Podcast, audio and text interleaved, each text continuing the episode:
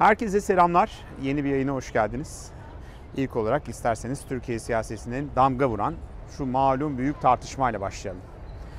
Ee, herkes artık pazar günü saat 21'de moderatör belli, taraflar belli, ne olacağı belli, 3 aşağı 5 yukarı gelecekler. İmamoğlu'yla e, Sayın Yıldırım ve kozlarını paylaşacaklar. Benim bu tartışmada en çok merak ettiğim ne biliyor musunuz? Lütfü Kırdar'da yapılıyor ya. Bir, seyirci olacak mı? Mesela burası hala net değil. Neden önemli? Şu yüzden önemli. Seyirci olacaksa bu seyirciler kim olacak? Kim olacak çünkü? Kim dolduracak? Çünkü oradaki atmosferi biraz da seyirci belirleyecek. Alkış olacak mı? Tezahürat olacak mı? Bunu neden soruyorum? Çünkü bazı ülkelerde mesela bu tür toplantılara katılan diyelim Macaristan'daki liderler kendi kitlelerini götürüyorlar. Diyelim bir tane toplantı var normal şartlarda normal vatandaş. Macarlılar katılıyor. Ama ne zaman başkan gitse yanında 3000 Macarlıyla geliyor. Kim bu 3000 Macarlı? Kendini destekleyenler. Parti üyeleri, işte taraftarlar artık neyse. O yüzden bence hala muğlak olan bir bu var. İki, bir konuda uyarmak istiyorum bu yayını yapacakları.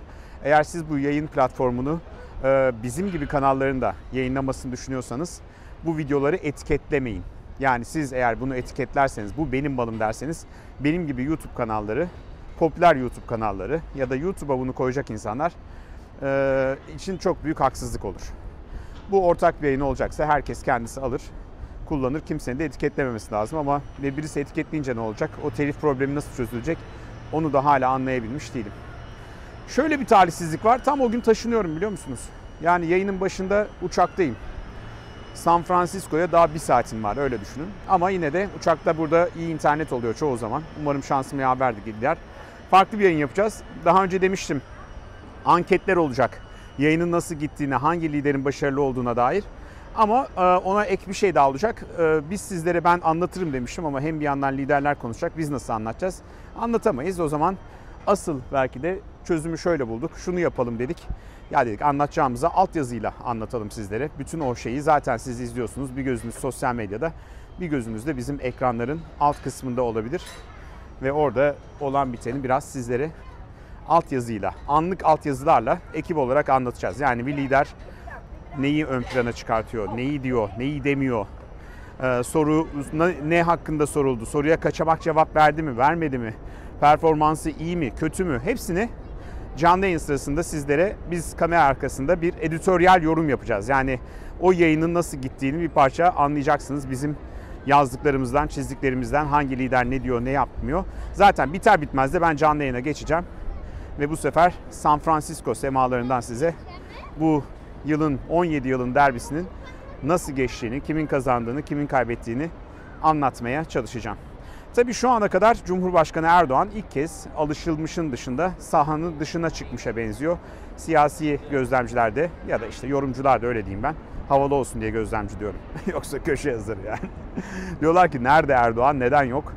Bin tane spekülatif ve bin tane farklı e, düşünce havada uçuşuyor.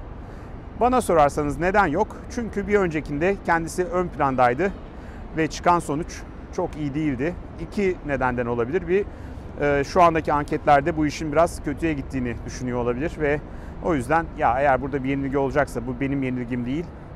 Binali Yıldırım'ın yenilgisi olsun düşüncesinde olabilir. Ya da son hafta biraz daha kendisini e, ön plana çıkartabilir. E, biraz da belki de Erdoğan'ın bu tutumunda e, pazar günü saat 21'de yapılacak bu e, derbi, siyasi derbinin geleceği belirliyor olacak. Sadece onun tutumunu değil, Türkiye'de pek çok şeyin de tutumunu belirliyor olacak. Hatta bir erken seçim bile ben çıkma ihtimali olduğunu düşünüyorum. Ee, sadece derbiden değil ama seçim sonuçlarının eğer çok büyük fark olursa 1-2 e, yıla hemen bir iki aya değil ama bir iki yıla e, bir erken seçim ihtimali olabilir. Olmayabilir de tamamen seçimin sonuçlarına göre çıkacak bir durumdan bahsediyorum. Geçtiğimiz e, yayında biraz esprili bir şekilde Türkiye'yi zamanında Galatasaray liselerinin yönettiğini, bir dönem mülkiyelilerin ağırlığını koyduğunu, bir dönem mühendisler farklı ülkelerden, farklı üniversitelerden mühendislerin olduğunu sizlere anlatmıştım. Ve şimdi de Türkiye'yi yöneten kadronun e, Kartal İmam Hatip'ten oluştuğunu söylemiştim. E, pek çok kişi ya abi herkesin bildiği bir şeyi ilk kez birisi söylüyor dedi. Evet herkesin bildiği sırlardan biri bu. Kartal İmam Hatip mezunları şu anda Türkiye'nin çok kritik yerlerinde. TRT Genel Müdürü, Türk Hava Yolları basın danışmanı. Daha sayamadığımız, bilemediğimiz bin tane insan var. Niye bilemiyoruz? Oysa ben girdim baktım şöyle bir araştırdım. Mesela bir Mezunlar Derneği var e, sayfası. internet yapmışlar. Kim nerede diye bir harita da koymuşlar. Şu anda kim nerede görevli. Gelin görün ki kamuoyuna kapatmışlar. Yani sadece üye olanlar alıp bakabiliyorlar. Bu arada bir de uyarı geldi. Dediler ki öyle e, Kartal İmam Hatip Lisesi demeyeceksin dediler. Diyeceksin ki dediler Kartal Anadolu İmam Hatip Lisesi. Peki ben de düzeltiyorum kardeşim ben eksik biliyormuşum. Kartal Anadolu İmam Hatip Lisesi. Bir uyarı daha geldi dediler ki sen dediler öyle şimdi çok kolay olduğunu zannediyorsun bu okula girişin. İşte sadece gelince maviyi hemen sokarım diyorsun oraya. Niye? Çünkü sonuçta iş garanti diyorsun işte ya genel müdür olacak ya genel müdür basın danışmanı olacak diyorsun. Ama dediler girebilecek mi bakalım. Niye? Gerçekten zor bir okul. Yani girmesi de zor. Mezunları da gördüğüm kadarıyla oldukça başarılı. Ee, yani üniversite birinciliğine e, birinci olan var, ikinci olan var, üçüncü olan var. Bayağı başarılı bir İmam Hatip Lisesi'nden bahsediyoruz. Yani e, belki de şu anda bütün bu İmam Hatip liselerinin e, farklı bir profilinden. Şimdi hep İmam Hatip liseleri farklı anlatılıyor, konuşuluyor. Mesela ben de girdim baktım şöyle bir ekşi sözlükte. Bayağı da memnun çocuklar, giden çocuklar, öğrenciler. Bir gün konuşulacak, konuşulmaya başlanacak Kartal İmam Hatip Anadolu Lisesi. Kartal Anadolu İmam Hatip Lisesi neden bu kadar popüler oldu diye elbette bunda şurası da bir gerçek ki oraya giden bazı ünlü siyasilerin akrabalarında rolü vardır diye düşünüyorum. Bilmiyorum. evet bu arada Hulusi Akar Paşa'mız karar vermiş. Ziyarete gidecek. Nereye? CHP'ye, MHP'ye işte birkaç partiye daha ziyarete gideceğini açıklamış. Velhasıl tabii ki HDP'ye git, gitmeyi düşünmüyor. Biliyorsunuz öyle bir tavır var devlet nezdinde. Neden var bilmiyorum. Sonuçta seçilmiş bir e, parlamentoda üyeleri olan bir partiden bahsediyoruz. Gidebilir yani tabii ki. Neyle ilgili gidecek? İşte S-400 ile ilgili gidecek. E, F-35 programı ile ilgili gidecek. Ve bilgilendirecek. Amerikalılar bir mektup verdiler. Ultimatom gibi bir mektup. iki ay içinde ya bu S-400'leri almadığınızı söyleyin ya da F-35 programından sizi şutluyoruz dediler. Tercümesi yani diplomasi dilinin tercümesi. İşte bunu anlatacak. Biz ne diyeceğiz? Bir mektup hazırlıyorlarmış. Geliyor mu? Helikopter değilmiş yok. Tabii ben neyle gideceğini merak ediyorum. Helikopterse aman emareler biraz farklı olabilir yani. Sayın e, Hulusi Akar bir yere helikopteri, helikopterle gidiyorsa iş ciddi demek. Ne kadar ciddi? Yani Cumhurbaşkanı adayı olmayı düşünüyorsun. Olmam diyecek kadar ciddi. Nereden biliyoruz? Biliyoruz. İçimize doğuyor belki de yani bütün bunlar. I Am Mother diye bir film seyrettim. Müthiş güzel bir film. Bu arada şunu göstermiştim. Demiştim ki ya bunlardan Türkiye'de de olsa keşke. Sağ olun siz de diyorsunuz ki bir sürü yerde var. Bana da gö- gönderiyorsunuz Antalya'da, İstanbul'da. Okey var biliyorum ben de. Bodrum'da da var. Daha çok olsun. Çocuklar daha çok eğlensin. Suda ıslanmayı öğrensinler. I Am Mother diye bir fütüristik film seyrettim. Çok çok beğendim. Tavsiye ederim. Sanırım Netflix'te yayınlandı. Güzel bir film. Yani özellikle bu janrı seviyorsanız şöyle bir e, spoiler vereyim. Sonu değil merak etmeyin. Hani Boston Dynamics robotları var ya sürekli tekmeliyor bilim insanları. Şerefsiz gel bakayım çalışıyor musun? Bir tekme bir tekme. Onlar da böyle zavallı robotlar sürekli taklalar atarak zıplayarak geçerek hayatlarını geçiriyorlar. İşte onlar dünyayı işgal etmiş. İnsanlık da bitmiş falan.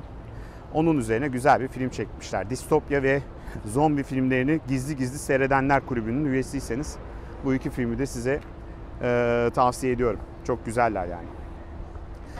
Little Big Lies'ın ikinci sezonu başladı. Meryl Streep girdi kadroya. Kadro zaten efsane. Yani Hollywood'un en güzel kadınlarını say dersen işte 6 tanesi orada en iyi rol yapan, şey yapan. Bir de onlara Meryl Streep eklenmiş. Şahane oynuyor. Döktürüyor. Yani bir oyunculuk dersi gibi kadın. Bir de hiç Meryl Streep gibi değil. Zaten başarıda bu. Çünkü biliyorsunuz bizdeki oyuncular bazıları için söyleyeyim. Dizi değişiyor, senaryo değişiyor. Hep öyle melmel bakıyor yani. bir şey katayım, farklı bir şey yapayım. Gerek yok. İhtiyaç da yok. Meryl Streep öyle yapmamış. Ee, çok böyle farklı bir şey. Farklı bir performans sergilemiş.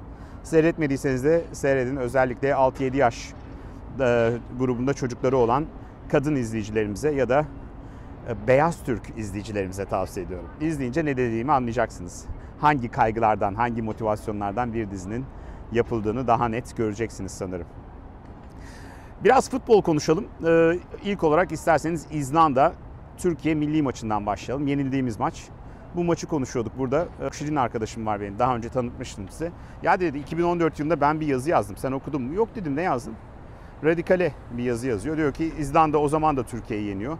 Peki neden yeniyor diye bir yazı yazmış. Bunu analiz etmiş. İlginç bir yazı. Şu yüzden ilginç bir yazı. Çünkü aslında diyor her şey diyor ekonomik diyor. Bakma diyor şimdi İzlanda yeniyor ama diyor işte futbol sahalarının sayısını bir anlamda bakmış, karşılaştırmış. İşte diğer şeylere bakmış. Oradaki e, kaç futbolcuya kaç stadyum düşüyor? Ne kadar milli gelir var? Diyor ki ya futbol sadece futbol gibi geliyor ama futbol aslında bütün bunların birleşiminden oluşan bir şeydir diyor. O yüzden diyor biraz da böyle okumak lazımdır diyor. Arşivden alıp bakarsınız.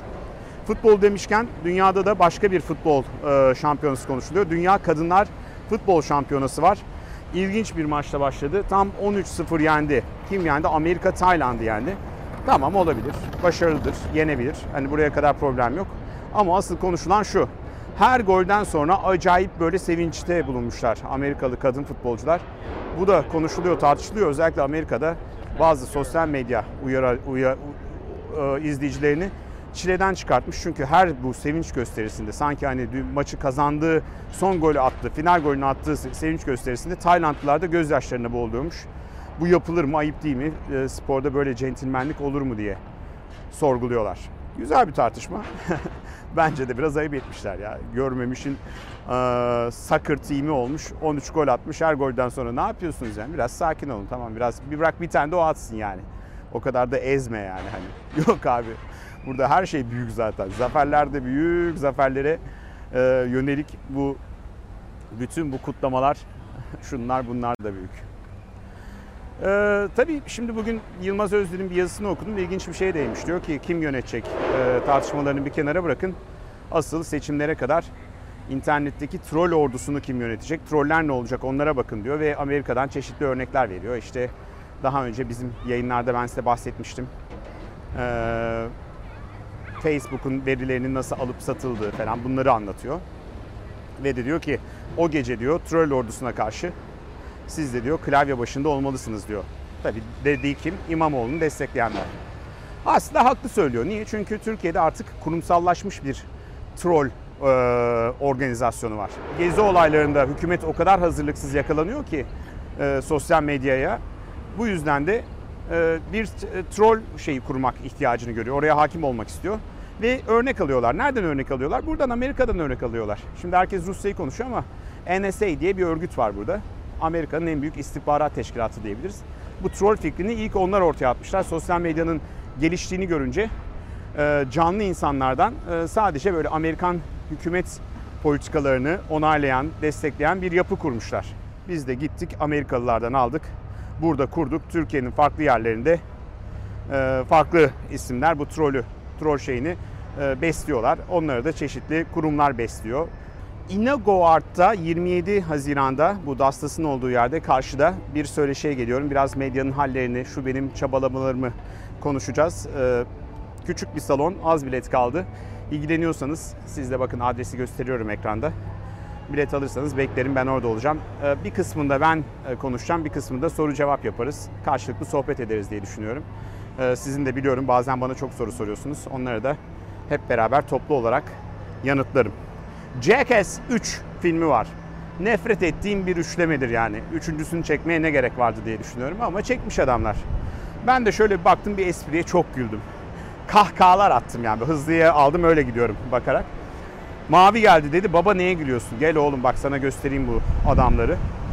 Bayıldı. Bayıldı Mavi. en çok sevdiğim film. Hadi baba onu seyredelim diyor. Yani eğer 7 yaşında bir yolunuz varsa Jackass 3'ü seyrettirin. Ben tabii bu kelimeler geçtiğinde, küfürler geçtiğinde hep ileriye geriye alıyorum. Ha, yok onu duymadım bilmem ne yapmadım diyorum ama ara sırada kaçıyor. Her şeyi de seyrettirmiyorum. Çok vahşi ve müstehcen şeylerin de olduğunu görüyorum. Ama bir alıcısı var. Her şeyin bir alıcısı var kardeşim. Alıcısı olmayan bir şey var mı? Allah'ım ya. Murat Boz gitmiş Vale'ye 200 lira vermiş. Üzerine üstledi diye kıyamet kopuyor. Ya kardeşim deli misiniz ya? Yani niye herkes böyle bir ünlü olunca ağa gibi yaşamaya çalışıyor ki? 30 lira bile çok yani. Gidiyorsun oraya bir saat kalıyorsun 30 lira veriyorsun. Aa koskoca Murat Boz paranın üstünü mü istedi?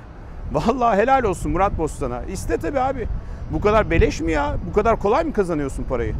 Ha tamam biraz kolay kazanıyor olabilirsin ama yine de yani para bu kadar değersiz mi ya? Bu gazetecilik anılarına sizden çok e, ilginç tepkiler alıyorum. Hiç beklemediğim kadar ilginç tepkiler alıyorum. Ben bu kadar ilgi çekeceğini düşünmüyordum. Hatta ya yeter Cüneyt geç başka şeylere diyeceğinizi bekliyordum ama ilginç bir şekilde pek çok kişi bu anıları merak ediyor. Anlatmamı istiyor. Ee, ben de devam edeyim isterseniz. Bilmiyorum ki ne yapayım devam mı edeyim? Yoksa biraz daha böyle hafiften mi alayım? Kendimi ağırdan mı satayım? Tam olarak ne yapayım? Karar vermiş değilim ama size bugün 1995 yılında İsrail'de yaşadığım çok ilginç gazeteciliğin, Türkiye'de gazeteciliğin ne anlama geldiğini, dünyada gazeteciliğin nasıl yapıldığını 25 yaşındayken yaşadığım bir olayı anlatayım. 1995 yılında ben 32. günü bıraktım ve o dönemin en ünlü haber merkezi olan Ali Kırca'nın ATV haberine geçtim. Ayşenur Aslan genel yayın yönetmeni, Ferhat Boratar şef editör ve ben de orada executive producer olarak geldim bir şekilde. Yani yardımcısı olarak. Fırtına gibi esiyorum ama. Cüneyt'in Büyüteci diye bir bölüm koymuş Ali abi bana. Her böyle e, haberin bitiminde 5 dakikalık özel dosya hazırlıyorum. Düşünün. Ana haberde oluyor ki o dönem ana haberler inanılmaz izleniyor yani. Bir yandan Siyaset Meydanı çok izlenen program. Onun yönetmenliğini yapıyorum. Oturuyorum rejide bizzat işte 12 kamerayla çekiyoruz. Ee, bazen onu yapıyorum. Her ne iş olursa yapıyorum. Haber toplantılarına giriyorum, çıkıyorum. Bir yandan da sahadayım ama. İsrail, İsrail'den, İsrail daha doğrusu Lübnan'dan ilginç bir haber geldi. Lübnan'da İsrail e, Lübnan sınırında çatışmalar var. Kim çatışıyor? Hizbullah yani Lübnan Hizbullah'ı İran desteklediği Allah'ın partisi tercümesi olan Hizbullah İsrail askerlerine karşı savaşıyor. Nerede? Güney Lübnan'da. Yani Sayda, Sur en aşağısında. Orada böyle küçük bir alan var. Ee, çok dar bir sınır. Arada boş bir alan var. Birleşmiş Milletler'in kendi kontrolünde tuttuğu. Oraya gidiyor ee, Hizbullahçılar. Katyusha füzelerini karşı taraftaki yerleşim bölgesine yani ya da işgal edilmiş bölgedeki İsraillilere fırlatıyorlar. Oradan da tabii ki İsrail ordusu cevap veriyor bunlara. Ben hayatımda hiç Lübnan'a gitmemişim. Gittim. Giderken de büyükelçiliği aradık. Ya biz geliyoruz acaba bir şoför bulabilir miyiz diye. Bir tane şoför verdiler bize. Dediler ki bu güvenilir hani. Uyduruk, hurda bir arabası var. Neyse elçilikten böyle bir şey oldu. Bir de ben de tecrübesizim yani. Normal şartlarda mesela ondan sonra ben hiçbir zaman elçilikten araba istemem yani. Elçiliğin olma, elçiliğin değil araba zaten de onların tavsiyesini de istemem. Otururum konuşurum ama bir şey yapacaksak kendim hallederim onu. Neyse gittik oraya. Nedenini anlayacaksınız şimdi. Aldı bu bizi. Böyle bir ince, kara, kuru bir adam. Türkçe de biliyor. E diyorum sen nerede öğrendin diyorum. Ankara'da yeni mahallede diyor. Şimdi geldi kıllanma abi. Adam turist olarak Türkiye'ye gelmiş Ankara yeni mahalle etmiş. Niye gülüyorum? E çünkü yeni mahallede bir tek mit var abi. Ne görülecek başka bir şey yok yani. Neyse bir şey demiyorum falan. Fakat deli dolu bir adam. Otomatik de bir araba hiç unutmuyorum. O günden bugüne de otomatik arabaya binmemeyi prensip haline getirmişimdir. Son birkaç yıldır burada bozdum ama genelde hiç bilmem. Nedenini de birazdan anlayacaksınız. Neyse.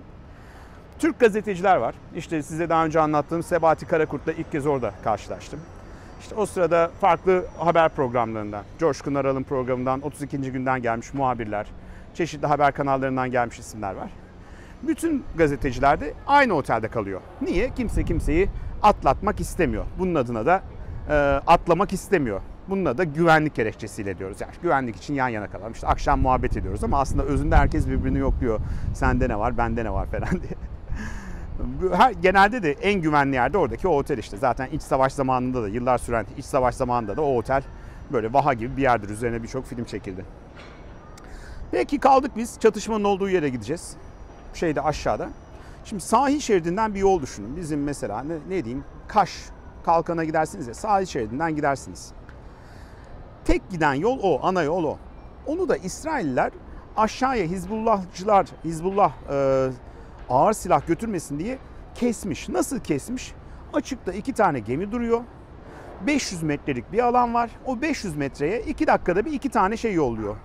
Ee, füze. Yani füze derken bomba atıyor, top atışı. Ve kimse de geçemiyor yani. Orası uzun kuyruklar var. Biz gittik ya nasıl geçeceğiz nasıl geçeceğiz dedim ya şöyle solla bakalım arabaları. Bir kilometre iki kilometre kuyruk var yani normal insanların arabaları. Gittik böyle soldan geçtik geçtik geçtik. En öne geldik. Baktık kapatmış adam. Ama birileri de böyle deniyorlar yani. Atıyor bombayı basıyor geçiyor. Atıyor bombayı basıyor geçiyor. Yarım saat baktım ben. Geçenler var. Yani kimi gazeteci, kimi Birleşmiş Milletler görevlisi, kimi sivil vatandaş falan. Cesaretin varsa geçiyorsun. Tabii ki bende o cesaret var. Dedim ki geçiyoruz. Ya dedi ciddi misin dedi. Geçeceğiz dedim yani oraya gitmemiz lazım. Aşağıda çünkü Kana diye bir kamp var. Bombalandığı söyleniyor. Bir e, mülteci kampı. Görmemiz lazım. Başka nasıl gideceğiz? Uçamayacağımıza göre, yüzemeyeceğimize göre geçeceğiz. İyi peki geçtik biz. Bekliyoruz. Attı bir. Pat. Beyaz bir duman çıktı. Attı ikincisi. Beyaz bir duman bastı. Bas! Bastık. Gidiyoruz ama kardeşim otomatik araba. Otomatik arabada da belli bir devre gelmeden şey olmuyordu. Ya atamıyorsun. Yani. Öbür normal araba tak tak tak tak gidersin yani. Neyse biz gidiyoruz gidiyoruz ama yani o 500 metre bitmek bilmiyor. Velhasıl geçtik. Oh be dedim ya tamam. Hadi hepimiz sarıldık, bağırıyoruz falan kurtulduk. Öyle bilirsin bayağı Rus ruleti oynuyorsun orada yani. Düşebilir de düşmeyebilir de. iki değil bir buçuk dakikada atar. Anlatabiliyor muyum oradaki top atışını? Gittik oraya. Bir gittik Kana kampı. Gerçekten bombalamışlar. Kaç? 33 tane sivil ölmüş. Yanlış hatırlamıyorsam. 24 yıl önce olan olayı anlatıyorum size. İşte basın toplantısı yapacak dediler. Bu arada Sebati de gelmiş benimle falan. O da başka bir arabayla geçmiş. Aynı arabada değiliz. Bak kameraman arkadaşın adını unuttum. Özür dilerim buradan. Hatırlıyorsa bana yazsın. Altına yorumlara yazayım. Çünkü beraber risk alıyorduk. Genç bir arkadaştı o da. Benim gibiydi o zaman. Çektik. Dediler ki basın toplantısı var. Kim yapacak? İşte UNHCR'ın e, Peace Mission sözcüsü. Barış sözcüsü. Barış görevi sözcüsü. Peki efendim gittik. Bir tane Türk geldi. Timur Göksel. Ben hayatımda ilk kez görüyorum. Zımba gibi İngilizce konuşuyor falan. Anlattı işte bu dedi çok haksız şöyle yapıldı böyle yapıldı bilmem ne oldu falan. Bu arada kampa giden ilk yani bir BBC var bir biz varız yani. Başka kimse çünkü orayı geçmiyor, geçemiyor. Risk almıyor adamlar. biz aptalız yani orada hadi. Ya da bir biz hırsla abi yapacağız bu haberi diye şey. Ya dedim vay be adama bak ya Timur Göksel'e ne kadar büyük bir iş yapıyor. Dedim ki herhalde ben gazeteci olmasam bunu şey yapardım, böyle bir iş yapardım. Çünkü adam evi böyle insandan arındırılmış bir bölge var sınırda. Lübnan'la İsrail arasında evi orada. Bir çocuğu buradaki okula gidiyor, bir çocuğu öbür taraftaki okula gidiyor falan. Ben daha ilk kez görüyorum. Sonra defalarca programa konuk ettim. Özel dosyalar yaptım. Kim olduğunu konuştuk falan. Şimdi de Lübnan'da yaşıyor. Hala Beyrut'ta yaşıyor. Neyse çekimleri yaptık. Döneceğiz. Geldik. Yine solladık arabaları. Tak tak tak en öne geldik. Bekliyoruz. Bir, iki, dedim bas. Bastık biz. Bir tane daha attılar. Tam ortada kaldık biz. Bir duman daha çıktı. Şimdi gitsek mi kalsak mı? Bir ayda geçmiş olduk yani o şey olan yerdeyiz. Ee, sınırı geçmiş bulunuyoruz. Dedim ki yapacak bir şey yok. Bas geçelim buradan. Bastık geçiyoruz böyle. O 500 metreye geçerken de bir tane ev var orada. O ortada kalmış bir tane. Lokanta mıymış artık böyle mesire yeri mi nedir? Orada bir şey var. Sırtı şeye dönük. E, denize dönük bir şekilde duruyor. Geçtik. Vay be falan yani. Acayip akşamleyin bir araya oturduk hep beraber böyle zaten adrenalinden öleceğiz. Getir dedim ver çayı. Bunları anlatırken böyle aldık. Çay, çayı dayadık ya. Sabaha kadar çay içiyoruz. İç çayı, iç çayı. Moralimiz biraz şey olsa da. Bir yandan da ya neler yaptık bilmem ne oldu. Ertesi gün dediler ki ya işte yine bir, bir gelişme var. Oradaki okullar var. Hizbullah'ın okulları. Onlarda yardım şeyleri var. E yine gideceğiz. Dedim tamam artık bir kez yapan bir daha korkmuyorsun. Yine bindik. Yine sollar. Yine geç. Yine gel. Yine o araba bir türlü şeye geçmiyor. Ee, şeyi bitmiyor yani. Bir türlü devri bitmiyor. Dedim yemin ettim ya ben bir daha gerçekten bu şey otomatik arabaya binmeyeceğim. O zaman da yeni çıkıyor yani böyle bir otonom değil yani. Uyduruk otomatik araba.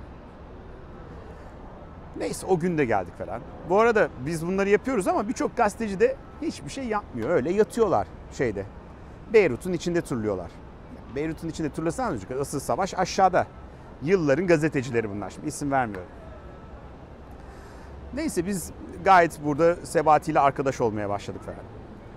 Hakara makara yapıyoruz yani. Bir yandan gündüz hardcore böyle şey hayatımız tehlikede akşamları oturuyoruz, takılıyoruz, bilmem ne yapıyoruz. bir Sebati diyor ki Cüneyt diyor şuradan diyor arsa bakalım diyor. Diyorum ki ne yapacağız abi arsayı savaş var. Ya diyor bu savaş sonunda bitecek diyor. Buralar değerlenir şuraya bir turizm tesisi koyarız diyor. bir yere gidiyoruz mesela Sayda'ya. Bir yandan haberleri yapıyoruz. Bitiyoruz döneceğiz. Geliyor diyor ki arsa sordum çok iyi arsalar buldum diyor. Çok iyi. Şu bizim diyor bir de para almışız yanımıza. 3000 4000 dolar para var. Ee, onları koyalım diyor. Birleştirelim bir arsa alalım.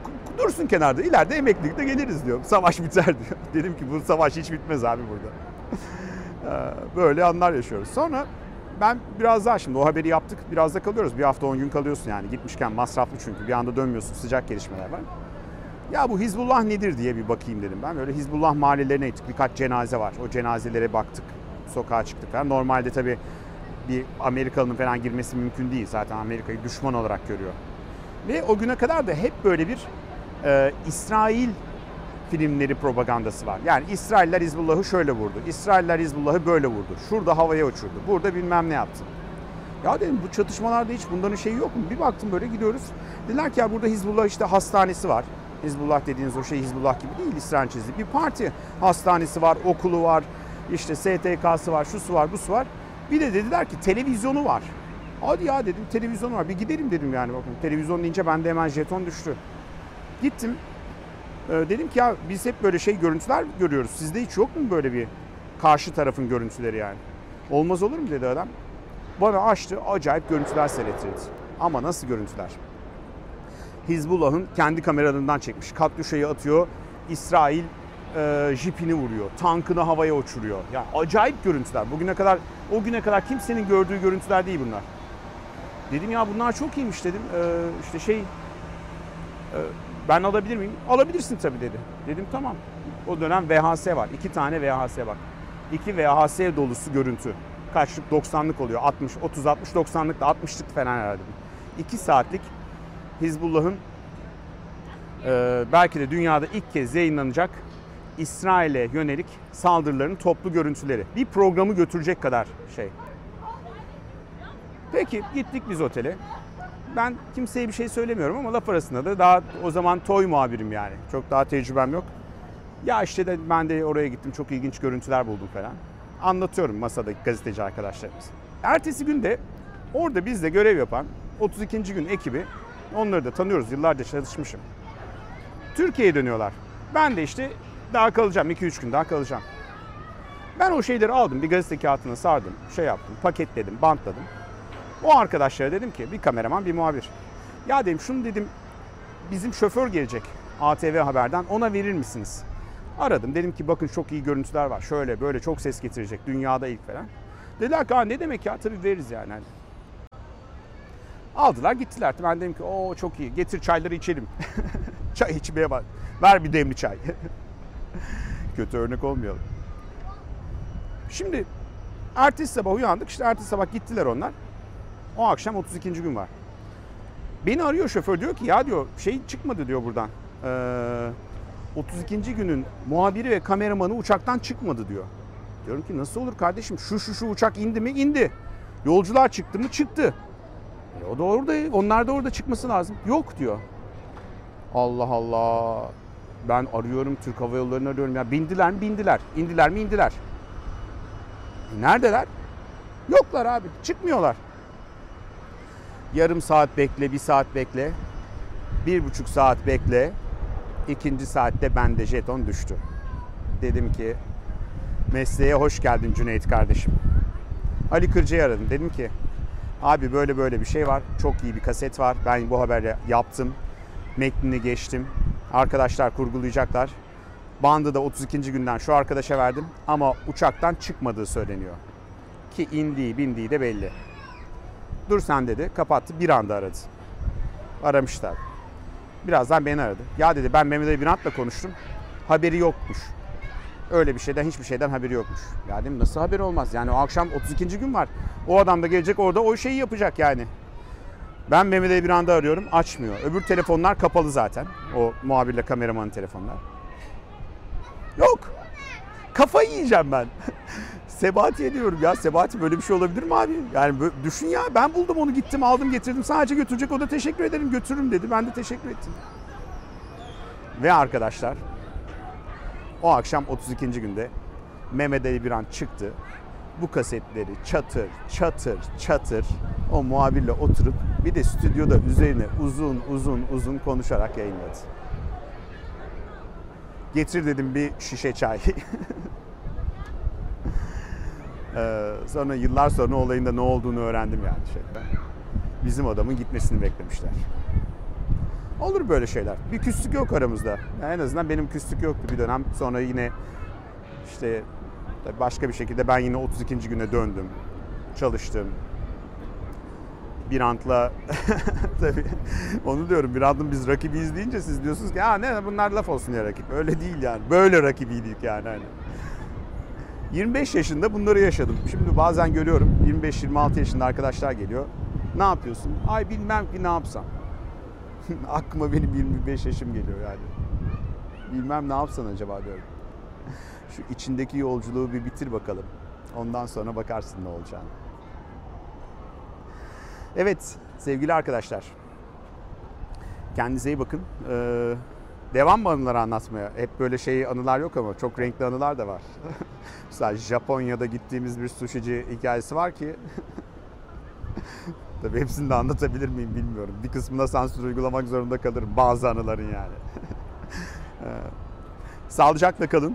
Ee, Like etmeyi unutmayın. Ee, Kendinize iyi bakın. Abone olmadıysanız abone olun. Patreon.com'dan e, destek olabilirsiniz. Bu yayını Palo Alto'dan yapacağımız kesinleşti. San Francisco'da olabilir. Orada bir stüdyo bakacağım şimdi gittiğimde. Buna da patreon.com'dan destek olabilirsiniz. Kenan Taş'la e, irtibata geçebilirsiniz. Bana yazabilirsiniz. cüneyt.dipnot.tv ya da kenan.dipnot.tv Onun dışında benden bu kadar şimdilik. Kalın sağlıcakla.